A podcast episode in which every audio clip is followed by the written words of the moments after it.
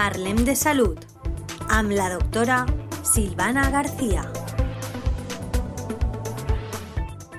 Buenas tardes, oyentes de la Tegua Radio, otro jueves más juntos y hoy estaremos hablando de las dietas vegetarianas. ¿Y qué es una dieta vegetariana? Las dietas vegetarianas son las que están exentas de carne y pescado, incluyendo mariscos y sus derivados. Según el tipo de dieta vegetariana, puede incluir huevos o productos lácteos, ovo lácteo vegetariana, o excluir cualquier producto de origen animal, incluida la miel. Y las dietas vegetarianas no tienen nada de malo, muy contrario de lo que pueda pensar alguna persona. Una alimentación vegetariana o vegana, como cualquier tipo de alimentación, debe estar bien planificada para evitar consecuencias negativas para la salud y el crecimiento. Según lo que se viene estudiando, los niños que tienen una alimentación vegetariana muestran un normal crecimiento y desarrollo, solo que a veces pueden presentar un menor índice de masa corporal. ¿Y qué es lo que hay que tener en cuenta para poder llevar una dieta vegetariana adecuada? Hay que pensar que este tipo de dietas puede ser más baja en grasa total, ácidos grasos poliinsaturados, N3 colesterol, yodo, zinc, hierro, ferroso y vitaminas B12 y D. Entonces hay que intentar consumir diariamente alimentos ricos en proteínas, como legumbres, frutos secos y semillas. El uso de soja y sus derivados, tofu, tempe, análogos de carne, así como los pseudocereales como la quinoa o el amaranto, pueden contribuir a garantizar un adecuado balance de aminoácidos. En las dietas o ovo-lácteo vegetarianas también se obtienen proteínas de la leche y el huevo. En estas dietas, al haber una menor capacidad para aprovechar el hierro y el zinc, se recomienda consumir alimentos ricos en vitamina C en todas las comidas. También se recomienda el consumo de alimentos fortificados en calcio y vitamina D, junto con la práctica habitual de actividad física para conseguir una cantidad de calcio adecuada en los huesos. La deficiencia de vitamina D es altamente prevalente en España, independientemente del tipo de dieta, y a veces son necesarios los suplementos de esta. La sal iodada, los vegetales de origen marino como las algas y algunos alimentos a base de cereales constituyen la mejor fuente de yodo.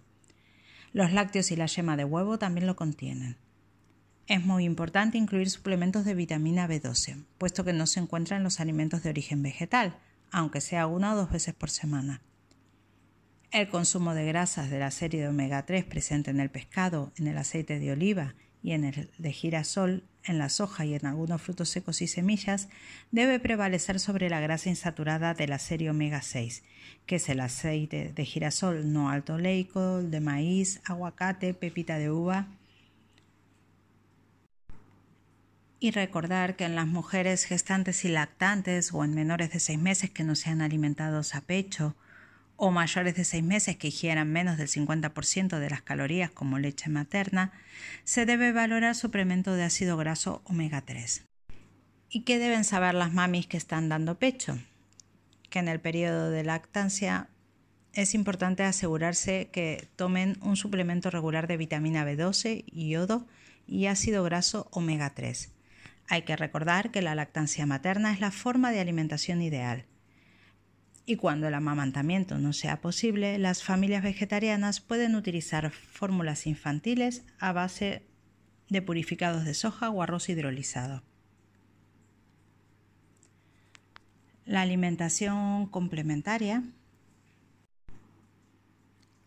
La dieta debe incluir alimentos ricos en vitamina C, pimiento, brócoli, coliflor, papaya, naranja, fresas, kiwi y vitamina A, boniato, brócoli, zanahoria, calabaza.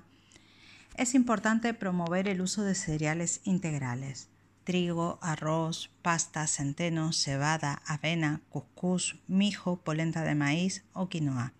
Hay que evitar los cereales infantiles con azúcares añadidos.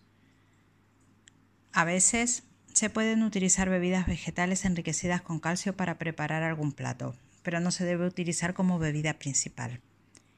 Hasta el año deben evitar las espinacas, las acelgas, la borraja, la remolacha, la rúcula y otras hojas verdes por su alto contenido en nitratos.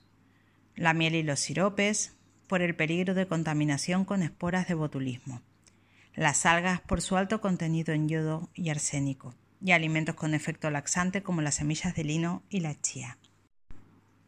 En mayores de dos años, los cereales deben ser mayoritariamente integrales. Usar la sal yodada, usar preferentemente aceite de oliva virgen o girasol alto leico y desaconsejar el uso de margarinas vegetales. Las leches vegetales deben estar enriquecidas con calcio. Las mejores leches vegetales son las de soja, avena y almendras. Y hay que suplementar regularmente con vitamina B12 desde los 8 o 9 meses de edad. En cuanto a los adolescentes, ellos necesitan un aumento de requerimiento de muchos nutrientes y entonces es importante asegurarse de que consumen proteínas y calcio y alimentos ricos en vitamina C. Hay que evitar el café, el té, el cacao o infusiones en las comidas, puesto que disminuyen la absorción de hierro. Hay que fomentar el deporte y la actividad física. Recordar que dentro de los cereales y pseudo cereales podemos incluir los tubérculos como la patata, el boniato, la mandioca, el seitán, quinoa, amaranto y que los huevos no deben ser más de cuatro por semana. Los lácteos requieren dos raciones al día, mínimo 500 mililitros diarios en forma de leche, yogur, queso, kefir y bebidas de soja enriquecidas con calcio. Y hasta aquí hemos llegado hoy con las dietas vegetarianas en pediatría. Espero que les haya gustado. Gracias por estar. Los invito a compartir. Los saluda. Hasta el próximo jueves, Silvana. Parlem de salud. Am la doctora Silvana García.